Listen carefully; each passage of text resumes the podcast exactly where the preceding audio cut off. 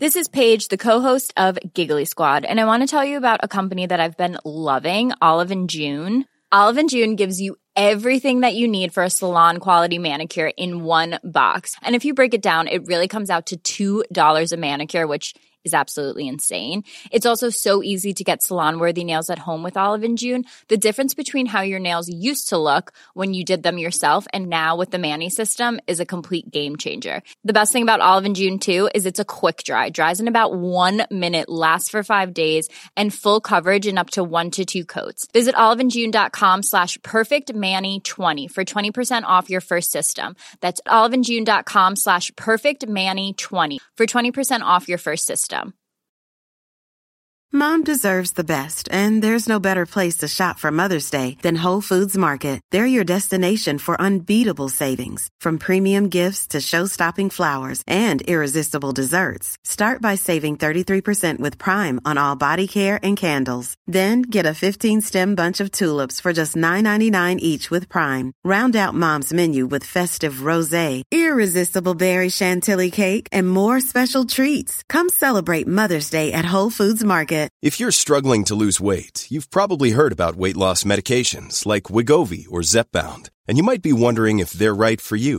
Meet PlushCare, a leading telehealth provider with doctors who are there for you day and night to partner with you in your weight loss journey. If you qualify, they can safely prescribe you medication from the comfort of your own home. To get started, visit plushcare.com slash weight loss. That's plushcare.com slash weight loss. plushcare.com slash weight loss. Ja, Øystein, er du klar for pod? Jeg er veldig klar for pod. Det er spennende tider med jul og julemysterium. Det er mye prat i bransjen. Mye prat i bransjen, mye prat i bransjen. Så nå er det på tide å gå videre med del to av Scootspoddens julemysterium. Ja. Vi kjører pod.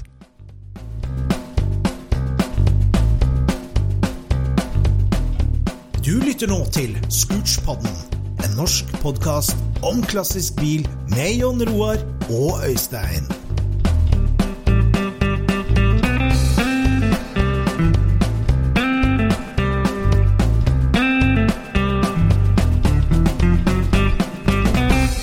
Det var en mørk og stormfull aften. Scootspodderne hadde satt seg ned for å fortsette på det store julemysteriet. Nei, det var kanskje litt for skummelt. Ja, Håper ikke vi mista noen lyttere der nå. Nei da, vi tar det på den vanlige måten. Ja. Velkommen, gutter og jenter, til um, Scootspods episode nummer 53. Og del to av det store Scootspoddens julemysterium. Mm. Det blir mer Porsche-prat mot slutten her. Ja, det blir mer Porsche-prat. Vi, vi har fått mye tilbakemeldinger på del én, så uh, vi, det her er jo en føljetong, så nå skal vi gå videre i historien. Absolutt. Ja, det blir bra. Vel, Jon Roar, før vi går videre med del to, hva Mm. har du gjort siden sist? Hva har jeg gjort siden sist? Jeg har uh, forberedt uh, låven for uh, vinteromstokking. Så jeg har Ja, du laget gjør litt klar til juletrefest? Ja, bortimot. Nei, jeg lager meg litt mer lagringsplass i, i låven. Ja. Ja, og da blir det jo litt at man flytter og bærer rundt på ting og skal organisere, da, ikke sant. Og det, jo mer plass du har, jo mer er det å organisere, altså. Det er helt sant. Du oppdager ting du ikke har òg, vet du. Ja, ikke trodde du visste du hadde. Ja, ja, ting du hadde glemt du hadde. ja. Ting du glemte du hadde. Ja. Jeg solgte et eh, 1303-panser her eh, for en liten stund siden. Eller ja, det var vel faktisk et par dager siden, bare. Så tenkte jeg at eh, jeg trenger ikke noe ekstra sånn panser. Jeg har. Nei. Ja. Og så solgte jeg det av gårde, og så Og så gikk det bare to timer, så fant jeg til. så, så, så, tenkte jeg skulle si så gikk det to timer, så kjørte du bort i et hengefeste med 1303-en din. Å nei, nei, nei, nei, nei. Nei da, jeg fant litt mer da, vet du. Nei, det er stadig sånn. Det er stadig sånn. Ja. Ellers så så jeg du driver og forberedte årets uh, julekort. Det var jo, så jo hyggelig ut. ja, eh, julefelgkortet, ja. Ja, julefelgkortet. Ja. Og det var ikke det du skal sende med familien, det der, nei. Nei, nei, det, Nei. nei, altså, jeg sender jo ikke så mye julekort, egentlig. Men um, Nei, det var liksom en, Jeg fikk en idé da, vet du, om å lage et sånt lite juletre, og så ta, ta noen utvalgte felger og så spre utover. Ja. Det ble knalltøft. Jo da. Det er jo noen som har kommet til meg og sagt eh, du er jo en samler. Ja. Og så er jo egentlig ikke det. Jeg er mer sånn som ekornet er, at du kjøper når du har lyst på et eller annet som du kommer over, Ja. og så gjemmer du det bort. Det er jo det Ja. samme som ekorna gjør. De sitter aldri og ser på alle sammen. Nei. Så jeg ser jo noen ganger når noen, noen har sånne garasjer hvor de har satt opp alle felgene sine på veggen og sånn, da ble jeg jo mm. veldig imponert. Det har jeg Ja. tenkt på at jeg har ikke engang falt meg inn at jeg skal gjøre det. Ja, du dytter dem inn i et ledig hull på Ja, jeg låven, putter, og jeg putter dem bare inn eh, Jeg gjemmer dem bare bort, og så Ja. og Som, jeg, som vi snakka om eh, tidligere, da, at, eh, at hver eneste felgsett de representerer jo egentlig bare en drøm. Ja. Det er ikke en Ja, samling. Det er, det er drømmer. Det er jo potensielle biler, ikke sant? ja, og historia òg, da, på en måte, med hvor du fikk tak i dem, men hvor de kommer fra, alt det er det Ja. Ja. Mm. Så tenkte jeg at nei, jeg må ta og få solgt meg ned lite grann, så jeg kikka litt eh, opp på låven, og der fant jeg noen fireboltsfelger. ja. tredelte eh, små eikefelger eh, til, eh, til firebolt eh, boble, da, så det er fire på 130 boltsirkel. Og de kjøpte jeg av vår kompis eh, Petteren Rån, vet du. ja, akkurat. Mm. Og så tenkte jeg ja, de kjøpte jo jeg og han bare for at jeg syntes de så veldig artige ut. Og så ble de med hjem, og det var jo 7 ganger 13. Ja. Og de hadde han kjøpt av en svenske på Lyngåsbanen. På, Oi. sø på, sø på søndagen når at uh, Når Når de de måtte ha skulle bensinpenger for å komme seg hjem. Litt sånn. Ja. Så jeg tenkte det at ja, det er veldig artig, da. Så la jeg ut de til salgs på denne her eh, Facebook-gruppa som eh, hvor det handler felger, da. ja, jeg så det at den kom og Det ligna jo litt på sånn BBS-felger, syns jeg. da Ja, det ligner litt. BBS, ja. ja. Og så skrev jo jeg det som sto bakpå det, som var eh, Comp Autos, eh, England. Ja. Og da dukka det jo da selvfølgelig opp én fyr i NIS som sa Oi, endelig ser jeg noen som har likheter de jeg har på Formel 1-en min. I NIS. Ja. Og da var jeg sånn Og jeg bare Fader. Jeg skal ikke komme og fortelle meg at det er sjeldent, da. Disse skulle jeg jo selge. Endelig noen du kunne avse, og så Så plutselig kommer det noen ja. Nei, jeg selger de, altså. Det, det er ikke snakk om. ja, Går de til NIS, da, så blir fire like på Formel 1, eller? Nei, han hadde fire, han, så jeg tror ikke Ja, han skal ha noe flere. Nei. Men eh, det er, sånn, eh, det er jo sånn Hver gang du setter deg inn i noe, ikke sant, så blir det jo Ja. mer interessant. Og Ja. så blir det da automatisk vanskeligere å skille seg med igjen. Jeg har, jeg har det sånn med noen biler som jeg har Jeg elsker å forske på bilhistorie, Som jeg har noen biler som jeg tenker at kanskje kommer jeg til å selge den, og da tør ikke jeg å begynne å forske på historien på den, for da blir jeg så glad i den. Og da, eh, med vilje så er det sånn Ja, jeg har vognkortet, og det er greit, men eh, jeg kan ikke røre det. Nei. Sånn. Plutselig så er det en fantastisk historie. Ja, det er jo sånn. Det, ja, nei, virkelig. Så Ja da. Nei, det var jo en uh, veldig artig tråd som dukka opp uh, på Facebook her. Vi pleier jo å prate litt om sosiale medier, for det er jo mye der det skjer i bilverden nå i covid-19-tider. Det stemmer.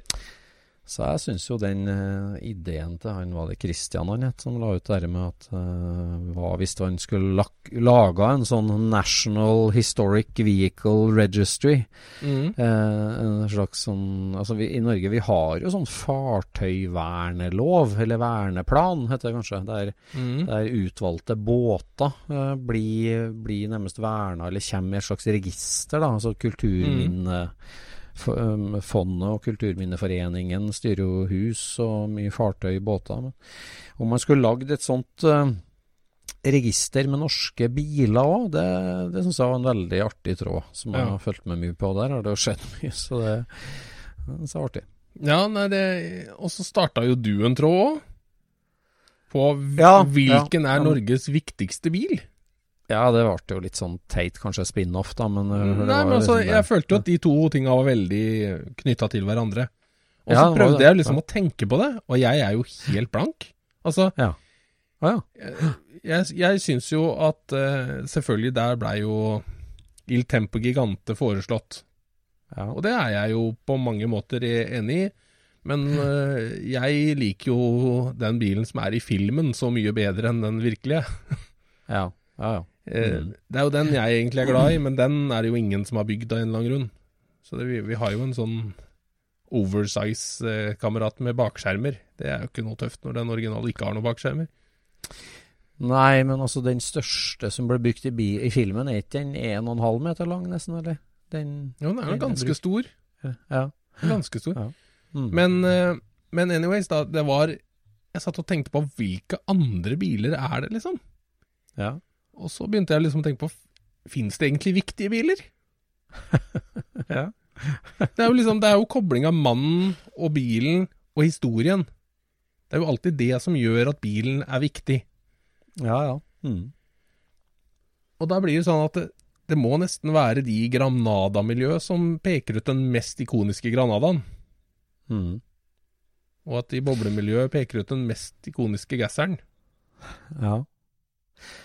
Ja, men også sånn Jeg tenker jo det at uh, det er jo Det er jo noen gang at en bil uh, skriver seg inn i historieboka til et land. Altså Mm. den Lincolnen som Kennedy ble skutt i, f.eks. Ja, det, ja, ja.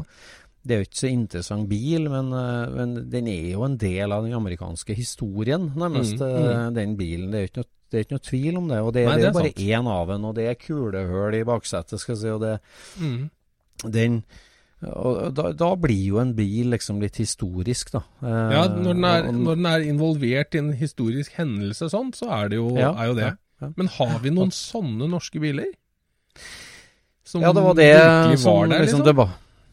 Ja, ja det, altså de to trådene vi snakker om, er jo, det er jo to forskjellige Eller to, to for så vidt interessante debatter. Hvis du skulle samles i 100 viktige biler, da, så, Mm. så det er klart at da får du en del sånn hjemmelagde norske spesialbiler, og du får en Think elbil som, som har liksom betydd mer eller mindre, da. Men Ja. skulle du prøve å velge én som uh, var viktigst og sånn, da, så, så, så må det jo være en sånn bil som har vært med å endra historien, eller påvirka historien på et vis, da. sånn, uh... Ja, Tenker du på nielement til Kjell Gudim nå, eller? Nei, jeg tenker Men jeg synes det som var, var litt sånn artig med det, var at eh, debatten på Facebook eh, herja jo. Det var ma veldig mange veldig bra forslag, syns jeg. Veldig, Mm. liksom, ting du har hørt om og visst om og sånn. Så Mm. en sånn veldig enighet om Il Tempo Gigante. Og så satt jeg i sofaen uh, sammen med min eh, kjære bedre halvdel, da, og hun er jo, uh, hun er jo eh, under middels interessert i bil, men hun er jo over, hun er jo over middels utsatt for bil. Det er hun jo, Ja, det- det må jeg jo bare si.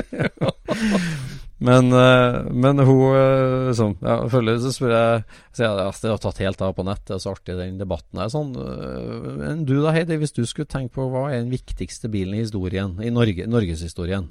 Ja. Så nei, det, det er noen bil der. Så begynte jeg å tenke, så da er jeg litt spent på hva som kommer. Og så sier hun altså, Den derre bilen som liksom kong Olav kom hjem til Norge med etter krigen, den må jo, det må jo være Den har vi jo sett bilder av, husker jeg fra O-fagen på Vormsund Ja. ungdomsskole. Ja. Den må jo være ganske viktig, da, sier liksom. Mm. Og så bare jøss! Det var jo det, det var imponerende, liksom. Uh, Ja. Altså, I den grad hun er menigmann, da, så liksom at menigmann har fått med seg at han da kjørte gjennom Oslos gater i bil, det var jo flott. At, at det Ja, var en ja. bil der på de bildene, er jo flott.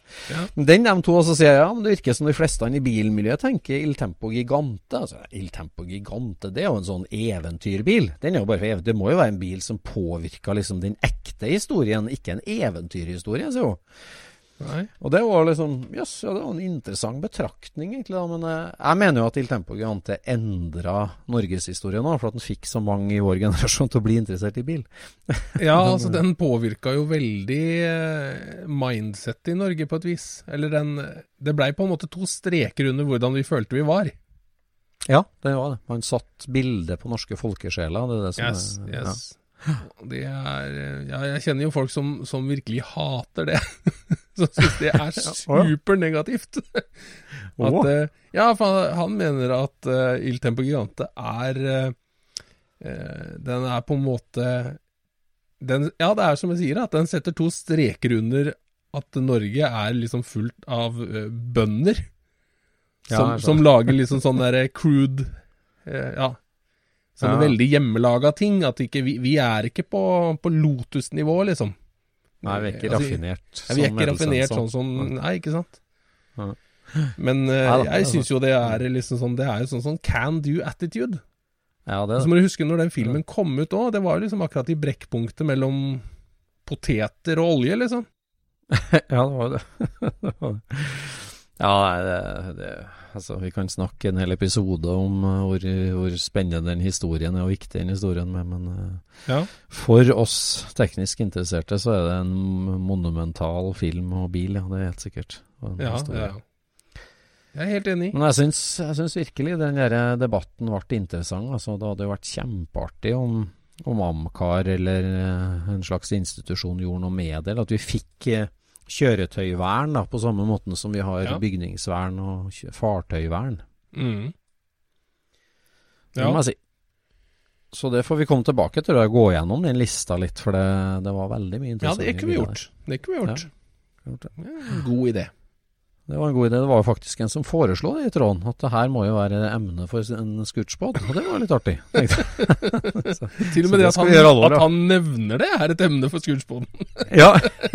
ja, det blir jo tydeligvis det.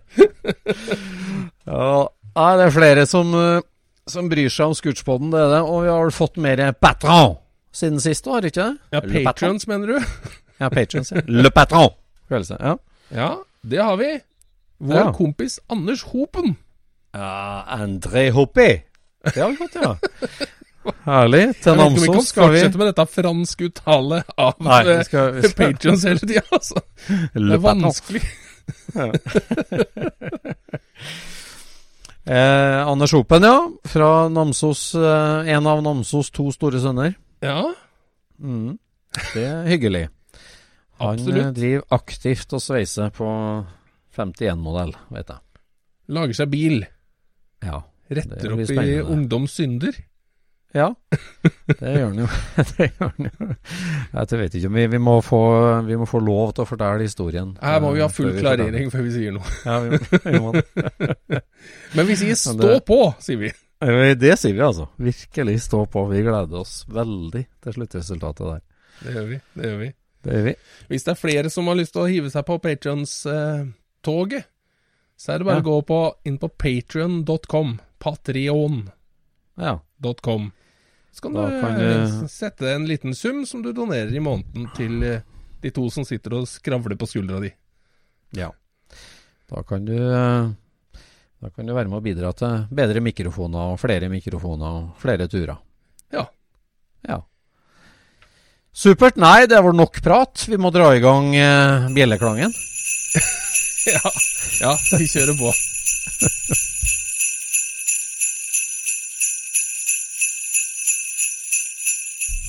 Ja, da er vi tilbake med Scootspoddens julemysterium del to. Nå har vi sklidd ned i ørelappstolene og sitter innerst i biblioteket med dempet belysning. Ja, peisen knitrer, og, og Porsche-boka ligger godt og hviler i fanget. Chassisnumra Ja. renner nedover, sier han. Ja. For uh, nye lyttere så vil jeg anbefale å laste ned episode én for en, Mm. uh, en recap. ja. Eh, vi husker jo det at eh, Norges raskeste sportsvogn eh, var til salgs i januar 1960 etter en formidabel krasj i de dype østfoldske skoger. Mm. Eh, den var annonsert, og eh, mannen som da eh, trådte fram, det var jo legenden fra Gjøvik, Gunnar Bratli. Mm. Og Gunnar Bratli han var jo slett ingen hvem som helst. Han hadde jo bygd seg to, kanskje tre sånne nordisk spesialbiler, GB1 og GB2, Ja. eh, tidlig på 50-tallet, og var jo i, i norgestoppen, får en si, konkurrert som bare det. Mm. Og hadde jo en veldig ivrig sønn i Tore Bratli. Eh, og i, i februar 1960 så kjøpte han da RJ 500 fra Sarpsborg. ja. Tok den med seg til Gjøvik. Eh, malte over det norske flagget. Den var jo malt i rødt, hvitt og blått. Så ut som et sånn norsk flagg, så malte den helrød. Den ble lakkert helrød bare for å fornye den litt. da. Ja. Så stilte han da til start på, på Jarenvannet allerede i mars 1960, rett på løp. Og, og der også går det gjetord da om varmkjøring og Carrera-motorlyden som var helt hinsides, kan du si, når den dura over Jarenvannet. Og men Gunnar Bratli han, han, kjørte den bilen egentlig bare i to hele sesonger. Han kjørte hele 60-sesongen og hele 61-sesongen. Mm. Han stilte start på tolv løp eh, på de to sesongene. Førsteplass på elleve. og det ene løpet han ikke vant, der krasja han på vårparten 1961. Så krasja han og, og, og bulka han ganske mye i fronten i, i snøfonn. Um, og, og, Det gjorde da at bilen uh, ble deformert i fronten, og da tenkte de at uh, nå skal vi fornye den litt. Da hadde, ja. da hadde en RSK 60 kommet ut fra Porsche, som var en uh, som, vet, som husker at 550 har jo liksom stående, runde lykter. Mm. Mens den RSK 60 da, den har jo en sånn veldig liggende front med bare noen pleksilykter og er veldig avrunda i fronten ja. og veldig avrunda i rumpa. Mye mer moderne, liksom. Mye mer moderne. Så da våren 1961, når uh, Bratteli skulle bygge opp igjen bilen, så gikk de ganske hardt, grundig til verks på Gjøvik Auto. Han fikk med seg en kollega der. og Så ble han litt syk underveis, han, to, han, han Gunnar. Så det var Tore, sønnen, som var med og formga bilen en del. Og da ja. skar de ned de finnene bak og runda av fronten i en sånn ordentlig RSK-front. sånn at bilen ble jo veldig lik, egentlig. en en ja, RSK 60 eller en 5, 550, da. Ja. Veldig tøff, og kjørt da hele 61-sesongen og fortsatt seiersrekka. Eh, og, og, og, ble jo en legendarisk bil, kan du si, da, i, i Norge. Og så går den Men Det begynner å bli gammel allerede da. Det er klart da er en fem-seks år gammel. Eh, mm. Så går han videre til en kjent tannlege fra Skotterud, som òg kjørte et en par sesonger med han. Eh, han var egentlig litt sånn Det var en, en tusenkunstner på, på Kongsvinger som var litt sånn hoffmekaniker til både Bratteli og han tannlegen. Som, okay. Som, for at det var ikke alle forunt å få skikk på den motoren, så det å justere og skru på den motoren, det var liksom én kar i Norge som klarte da, og det var han Ola fra, fra Skotterud, han òg, og Kongsvinger. Og til slutt så endte han, han, opp med å overta bilen han i 64, og skrudde litt på den, shina litt opp, og så ble den annonsert til salgs igjen, og da gikk han til Trøndelag. Mm -hmm. og, og, apropos Namsos, da, da var det en kar på Namsos som fikk med seg to kamerater, så de var tre stykker som reiste ned da i, på vårparten 1965 ned til Kongsvinger og henta hjem RJ 1500. Ok, ja. Eh, og Det blir jo starten på et sånt trønderkapittel som er litt sentral i, i historien til denne bilen. For i, i, Trøndelag så gikk det en del israce, og så var det jo Leangenbanen som var det virkelig store. Så dette trekløveret fra Namsos de stilte til start i 65-sesongen. Eh, og, og kjørt, kjørt, løp med den, og da Carrera-motoren hosta og harka litt og begynte å bli sliten. Eh, og de sleit litt med å holde den i gang.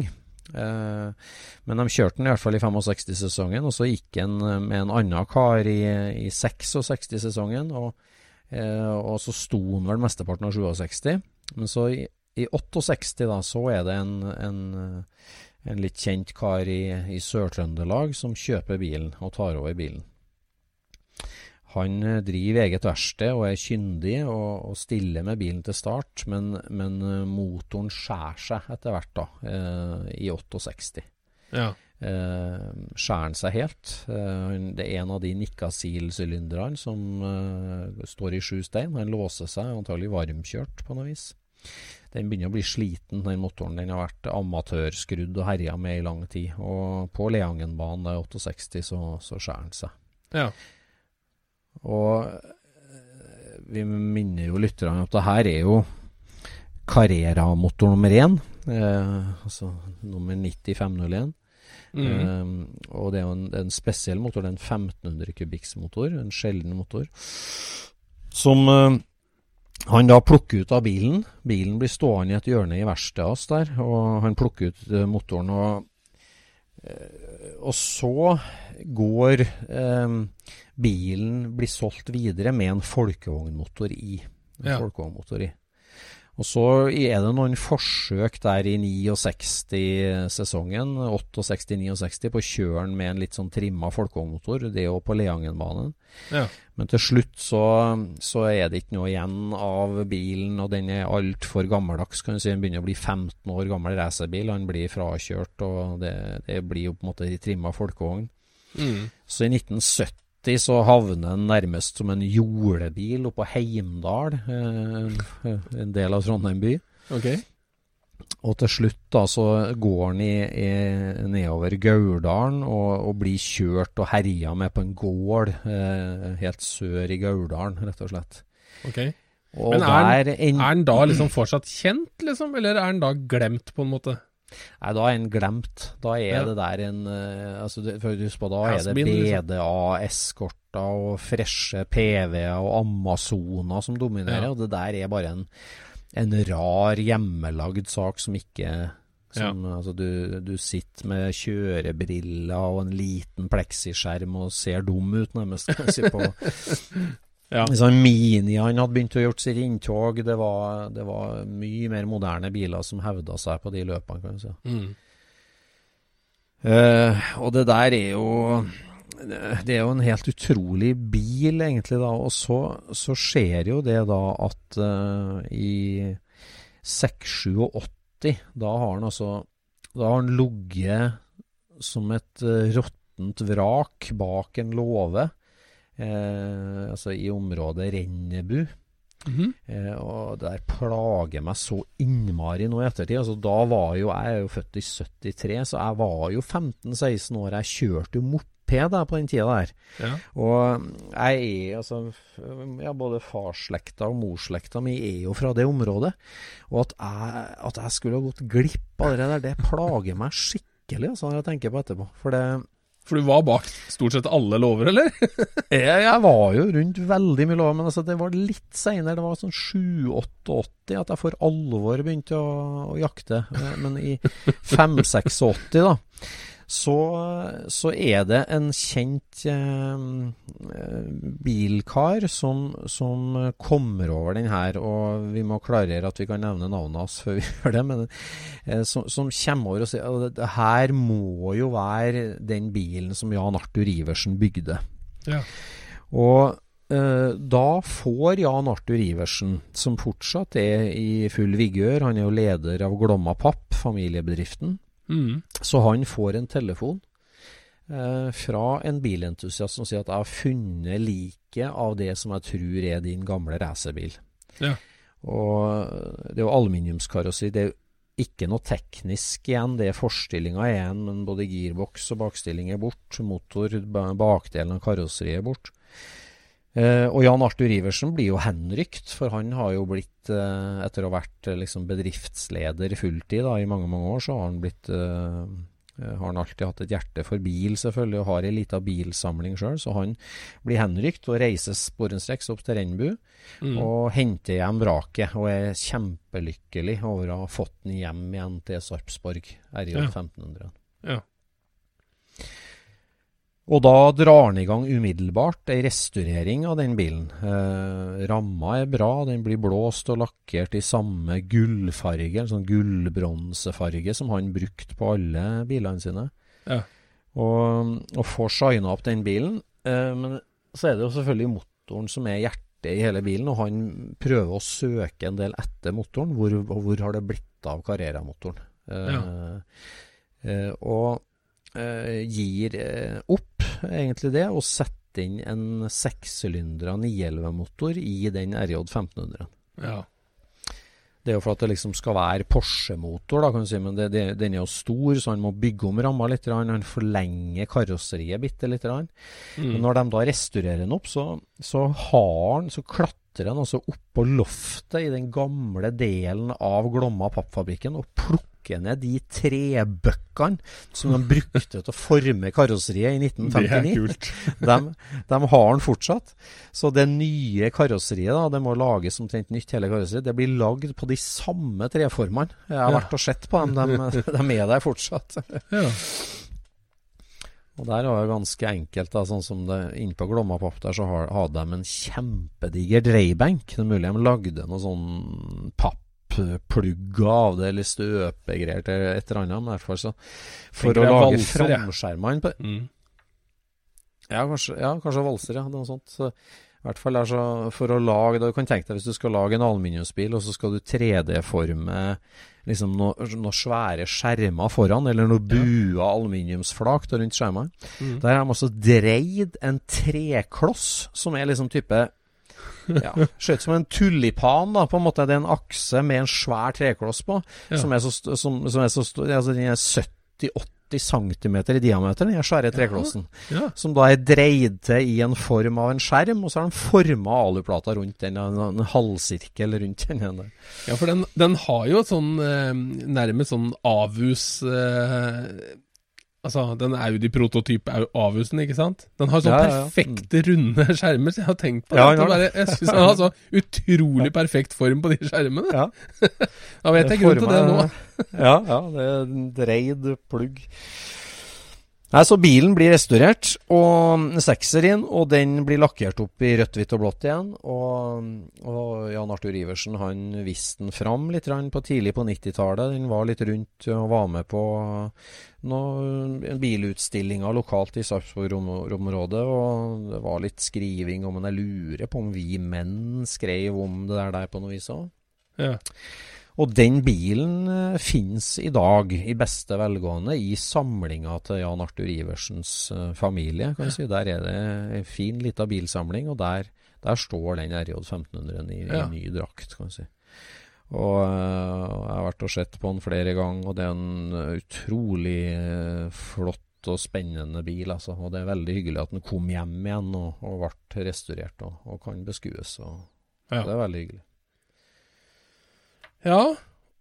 Og da lurer jo alle på Hva skjedde med motoren da, Øystein?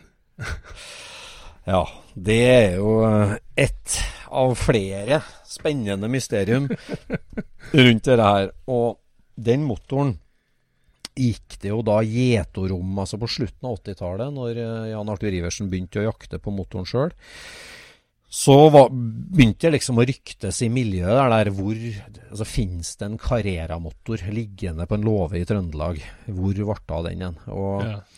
og det der begynner jeg å kjenne på tidlig på 90-tallet, når jeg virkelig var, gikk for alvor ut, så, så var det der ryktet om den der veldig sjeldne Porsche-motoren som måtte befinne seg en plass i Trøndelag. ja, ja. Og det der gikk jo så langt at uh, Altså, ja, den, den, er, den er nedgravd. Den er nedgravd på, på sluppen, på søppelfyllinga i sluppen. Den rasa på Leangenbanen og ble velta nedi den gedigne bysøppeldynga i Trondheim, som er omtrent der Siemens og brannstasjonen ligger i dag, for dem som er kjent. Okay. Eh, der ligger den. Eh, det, var, det var liksom ett rykte. Og der hadde jo jeg vært som ungdom. Vi kjørte jo dit med henger og velta ut søppel stadig vekk. Og, og der, det, er jo, det er jo mange titalls meter dypt søppelfjell Ja. under der. Så det, at den skulle ligge der, var jo helt, helt eh, umulig å få tak i den der. Så det var jo en klart rykte. Ja.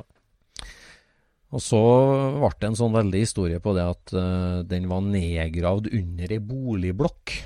Det var, den var, den okay. havarert eh, og ble eh, nappa ut. Og på nabotomta der den havarerte, så var det bygd noen blokker, og den ble velta nedi et høl der.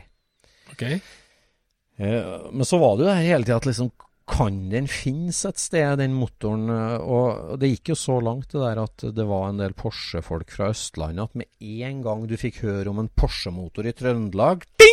Så reiste du oppover. For så, altså, Adresseavisa ble saumfart. ikke sant? Det var brukt Porsche-motor til salgs. Ja. Det var ikke ofte en sånn annonse dukka opp.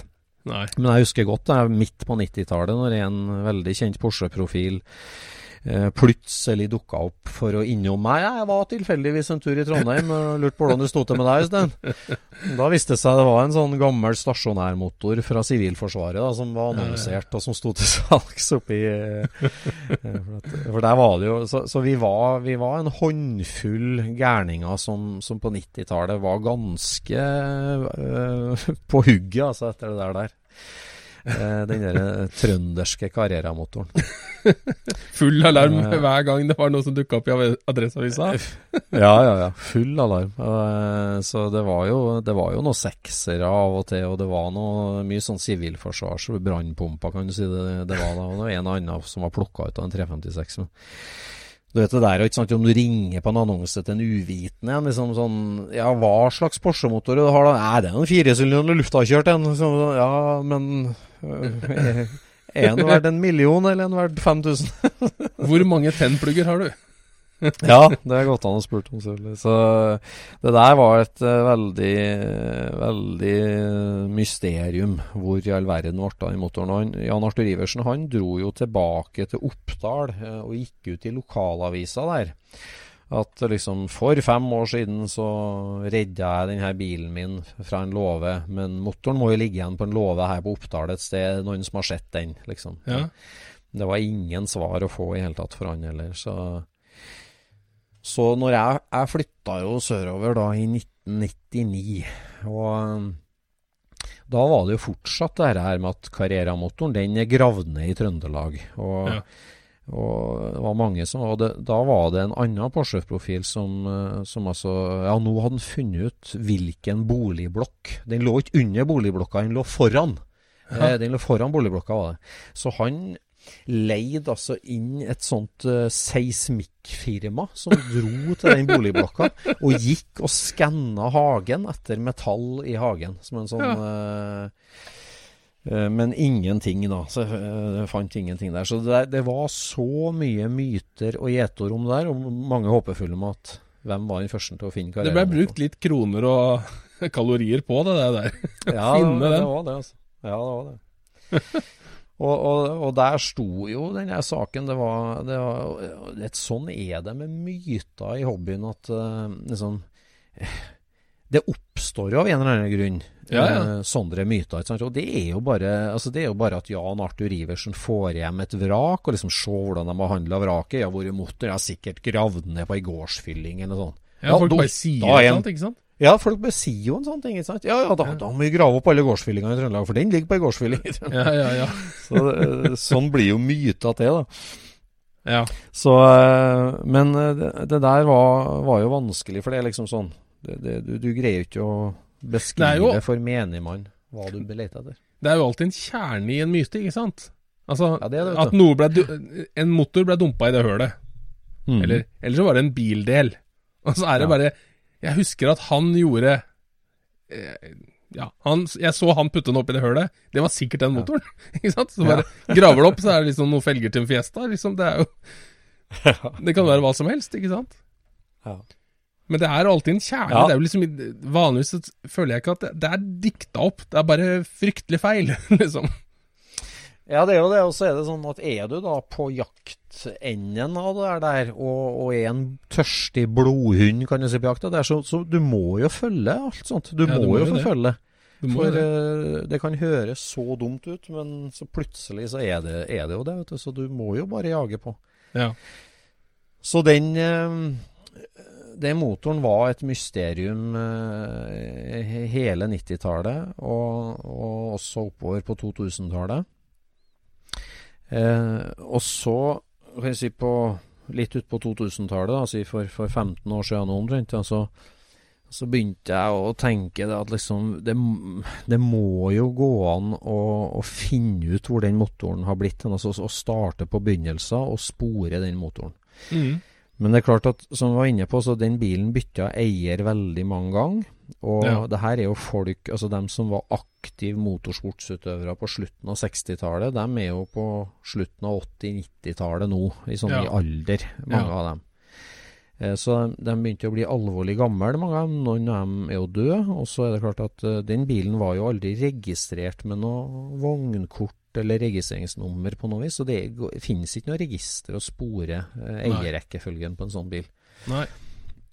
Så det blir jo bare å ringe og ringe på døra og spørre og finne arvingene, finne gamle fotoalbum, bla gjennom, leite, leite, leite.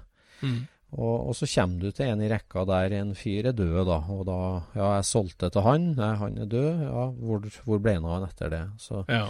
så det der var en jobb og et lappeteppe som, eh, som egentlig ingen hadde gjort før da, på en ordentlig måte. Og jeg begynte å Jeg er jo innfødt, så jeg snakka jo trøndersk, så jeg begynte å, å spore veldig intensivt det der uh, for 15 år siden omtrent. Og, og, fant ut eierne fant i løpsprogram fra Leangenbanen. og Gikk gjennom hele Adresseavisa-arkivet, hele Skrøder-arkivet, for foto etter de de Leangenløpene.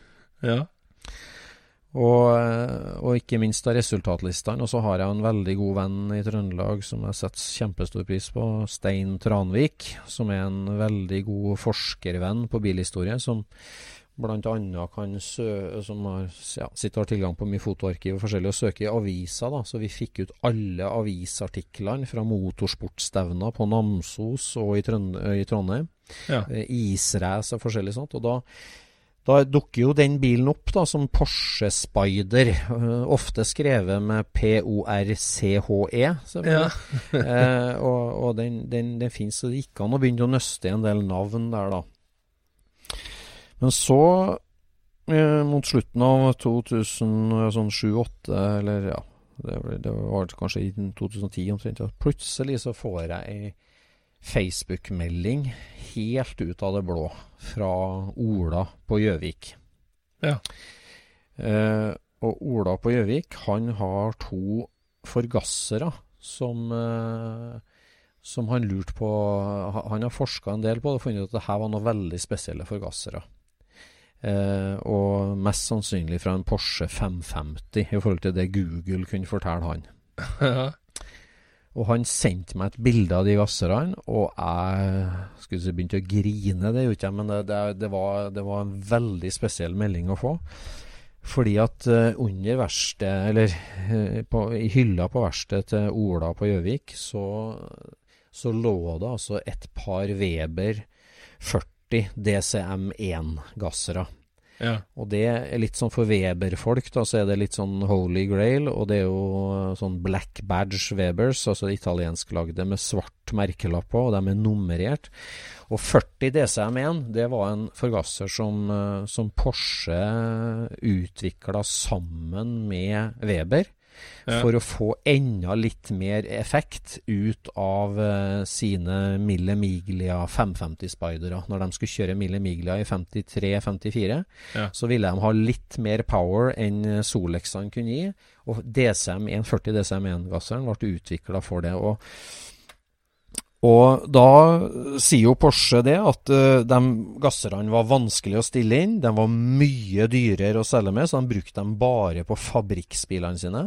De lagde 200 stykker, så altså nok til 100 motorer. De er nummerert, alle sammen. Og uh, det var jo selvfølgelig da et sånt par som vår venn Jan Arthur Iversen bestilte fra Porsche-fabrikken, og ettermontert i Helsinki Ja. eh, på denne motoren. Så når Carrera-motoren og bilen kom hjem til Norge da, fra Finland i 1957, etter å ha vunnet løpet der, så hadde den altså 40 Weber DCM1 på den. Og det hadde jo motoren når den reiste til Trøndelag, det hadde bilen òg. Ja. Og plutselig så lå de gasserne på Gjøvik, nummer 46 og nummer 47. Og Eh, og Ola han sa jo det, at eh, de gasserne hadde han kjøpt på Biri-markedet av en trønder på 90-tallet. eh, og da eh, er det liksom connect the dots. Altså de gasserne, han trønderen, han, som jeg ennå ikke vet navnet på, og hvis det er noen som kan tipse meg om det, så er jeg veldig interessert i det. For det var en trønder, han hadde kjøpt en masse greier fra et gammelt bilverksted, blant- deriblant de gasserne, tatt dem med seg til Biri. Og Ola på Gjøvik hadde tatt hånd om dem, og det er jeg så uendelig glad for. Ja. Eh, og gasserne er jo i kjempefin stand, og, og er jo en sånn ja, en veldig viktig del av denne bilen. Ja. Eh, og så ga det jo plutselig veldig næring til den tanken om at motoren må jo finnes. Den, altså, hvis den, hvis den havarert ble gravd ned under ei boligblokk eller på en søppelfylling, så, så tok man jo ikke bryet og plukka av gasserne heller, liksom. Eh, Nei, Mest så- sannsynlig ikke. så- Nei, nei, mest sannsynlig. Det er klart det kan jo ha skjedd. Men da fikk jeg virkelig blod på tannen at motoren må jo finnes. Eh, og etter eh, Altså, jeg var jo villig til å, til å gi det ene og det andre, skal si. Vi ble enige om en handel, jeg og Ola. Det, det var, ble jo kostbart, eh, men han var fornøyd, og jeg var veldig fornøyd. Og, og de gasserne har jeg nå veldig trygt eh, bevart. Og Føles jo veldig fint å ha, ha en konkret, eller to konkrete deler fra, fra den bilen som vi snakker om. Ja, veldig. Veldig. Så, Så, det var de eh, gasserne jeg så i den lille kofferten hos deg. Det var det, vet du. En liten koffert men store gasser. og De er masse i, altså, de her Ja, de er det. Det, så, det er ikke mange Smekker er ikke ordet. Nei, det er ikke ordet. Nei. Så det ga veldig ny næring til jakta på, på motoren. Og mm, Hva gjorde du da? Nei, da intensiverte jeg jakta. Da sendte jeg far min ut til forskjellige adresser i Trøndelag for å snakke med, med eldre karer som har vært borti den bilen og huska på den bilen, eller konkurrert mot bilen. Og det var en par høl i eierrekka, men bang, bingo, så finner jeg navnet på han som eh, kjørte den når han havarerte eh, motoren på Leangenbanen. Det er breakthrough.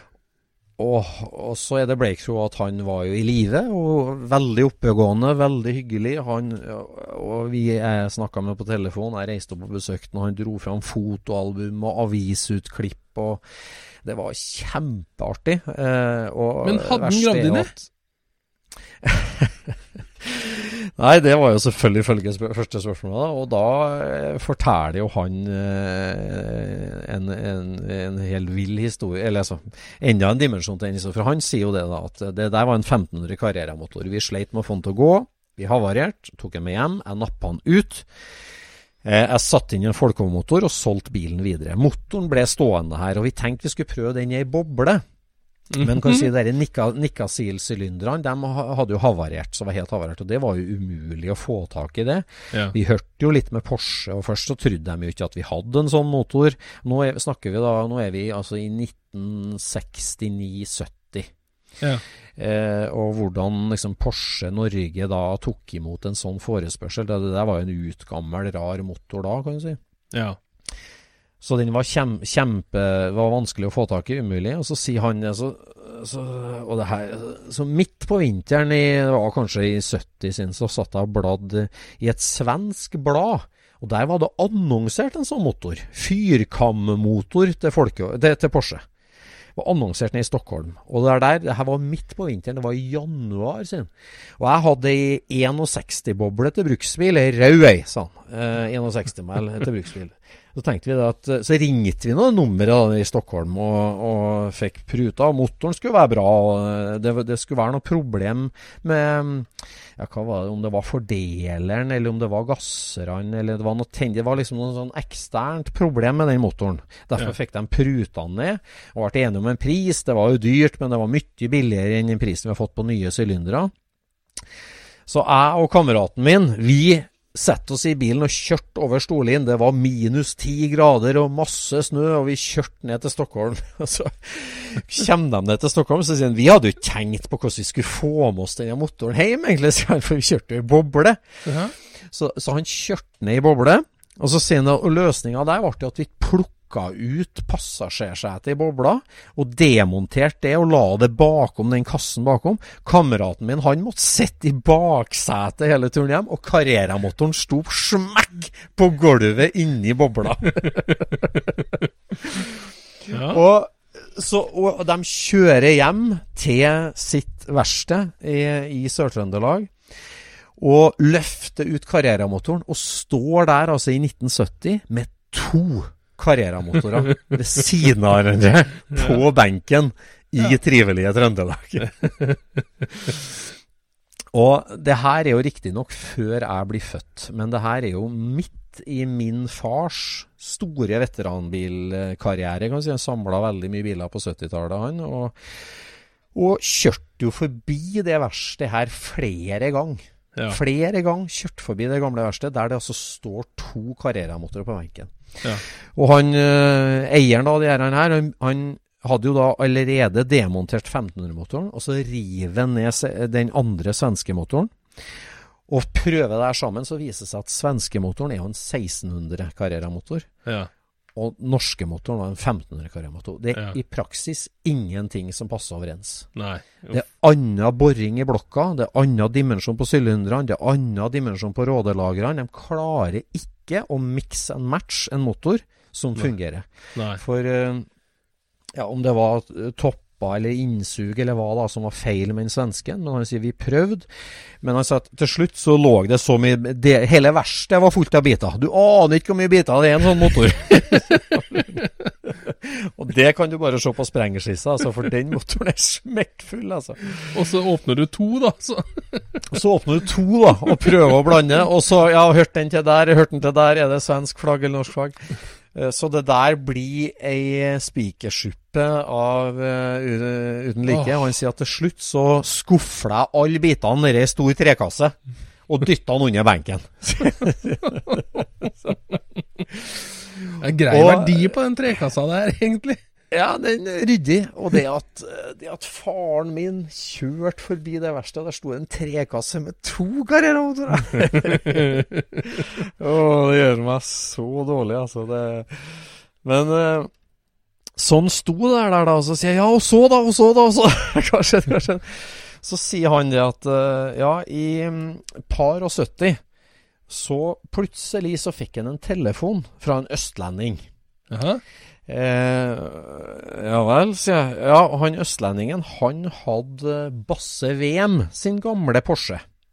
Mhm. Eh, og da kommer vi jo inn på en annen kapittel som blir en annen juleevangelie i Scootspodinga. For at eh, da må vi jo si kort om det at Basse VM var jo Norges største speedwaykjører gjennom tidene. Han Mm. drev jo motorsykkelbutikk i Oslo, og kjørte jo veldig fort med speedway-motorsykkel. Utvikla egen motor, eget ventilsystem. Han var den første til å fylle motorsykkelramma med bensin i stedet for å tank. Han gjorde veldig mye innovative ting. Ja.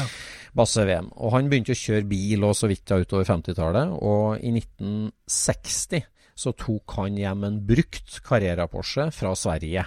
En Ja. 50 øh, Skal vi se, nå må jeg inn og sjekke lista mi her. Eh, det her må vi ha rett. Det er altså en, en 57 mile, en 57 mile bil, en sølvfarga en Mm. som det finnes bilder av, og som er en spennende bil. Den bilen har levd et langt og vanskelig liv fram til 1971-72, og da er det en kar på Bekkelaget i Oslo som eier restene av den bilen. Et, et, et utslitt, eh, herja Porsche 356 Mm.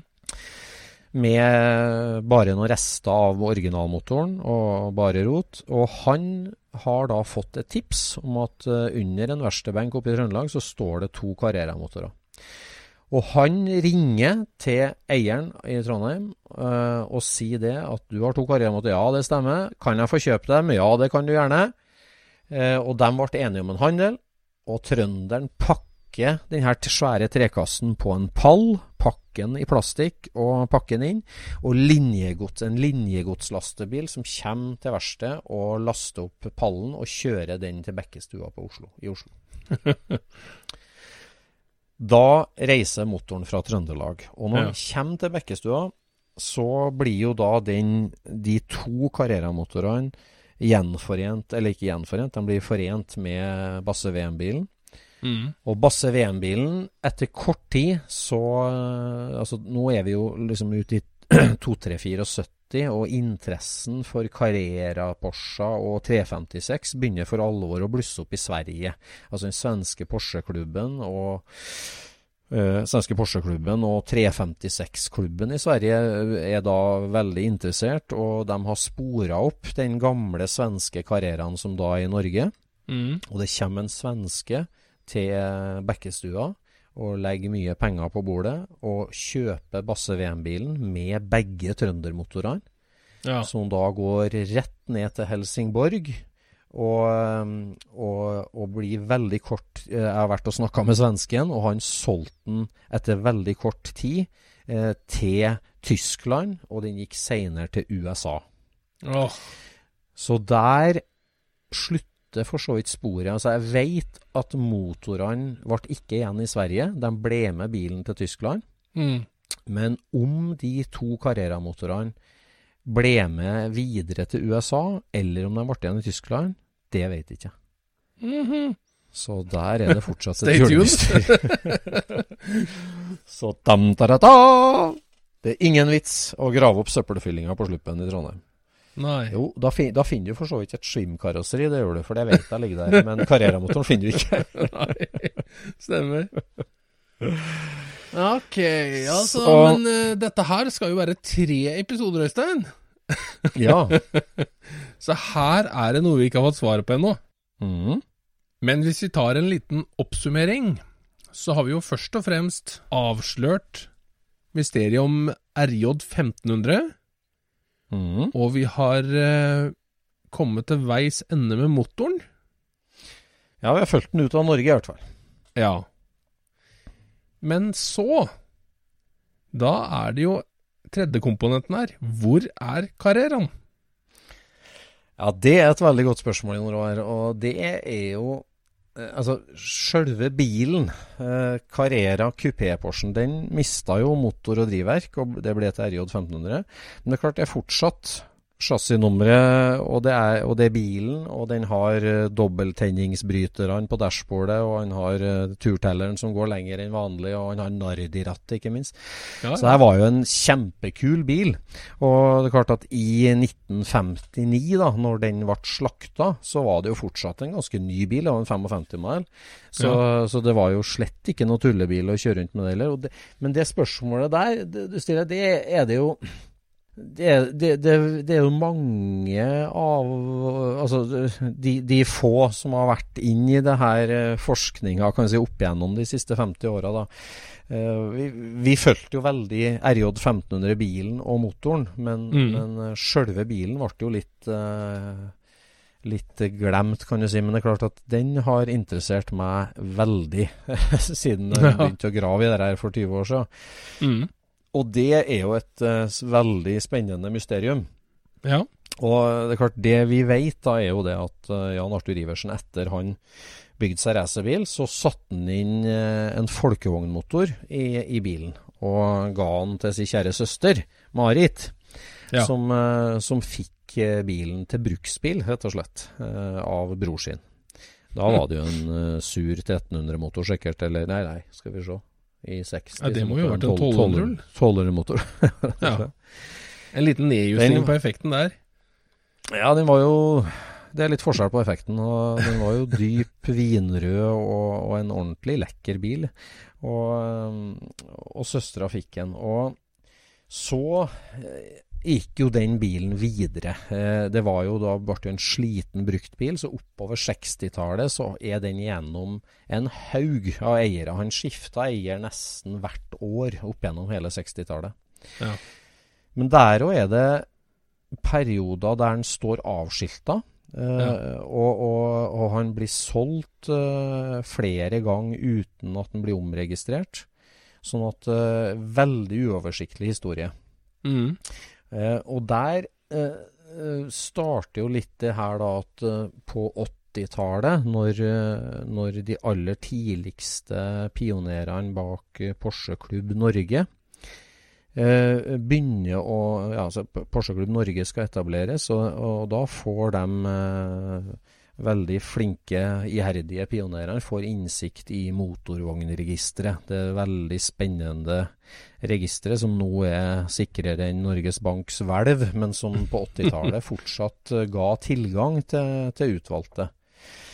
Uh, og det Her finnes det jo mange artige historier, men de fikk da tilgang til motorvognregisteret for å begynne å nøste i de Porschene som var i Norge, for å katalogisere medlemmer og få tak i nye medlemmer. Og rundt det finnes det jo flere historier. Det ene, historien er jo, eller det ene faktum er jo at eh, si, halvparten av alle de chassisnumrene de fikk ut av, det var jo traktorer, viste det seg.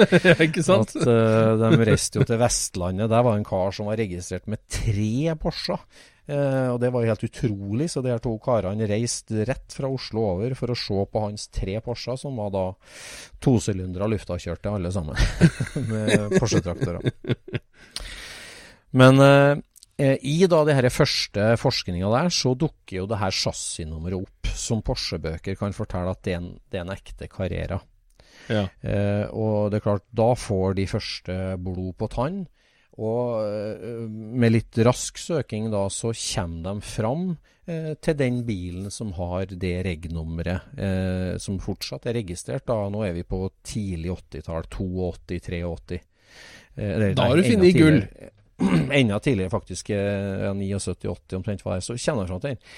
Men det var slett ikke gull, for det var en helt opprusta kjempesliten 1960-modell. En Porsche B-modell. Altså en en B-modell som hadde registreringsnummeret til Carreraen. Ja, det stemmer. Og Ja, skuffelsen var jo stor, selvfølgelig, for dem som, eh, som fant den. Og, og, og der kunne jo historien slutta, egentlig. Og der tror jeg vi slutter, vi og nå. Nei, nei, kom igjen nå. Nei, nei, nei. Vi må ha, det er en del tre. Og den eh, er like spennende og enda lenger. Ja, ja, ja. God jul! Ja. God jul. Ja, vi får bare holde ut, da. Da har vi et uh, mysterie og en del tre å ta hånd om i neste runde. Ok. Ja. Takk for i kveld. Det var Scootspoddens julemysterium del to. Ha det bra. God kveld. Scootchpoden produseres av SSE Media, med god hjelp av VV Norge og Trond Dahl for hosting, Knut Micaelsen for musikk. Abonner på Scootchpod via podcaster eller Acast, og følg Scootchpod på Instagram og se det vi snakker om. Der kan du også komme med kommentarer og innspill, og fortelle oss hva du vil høre om.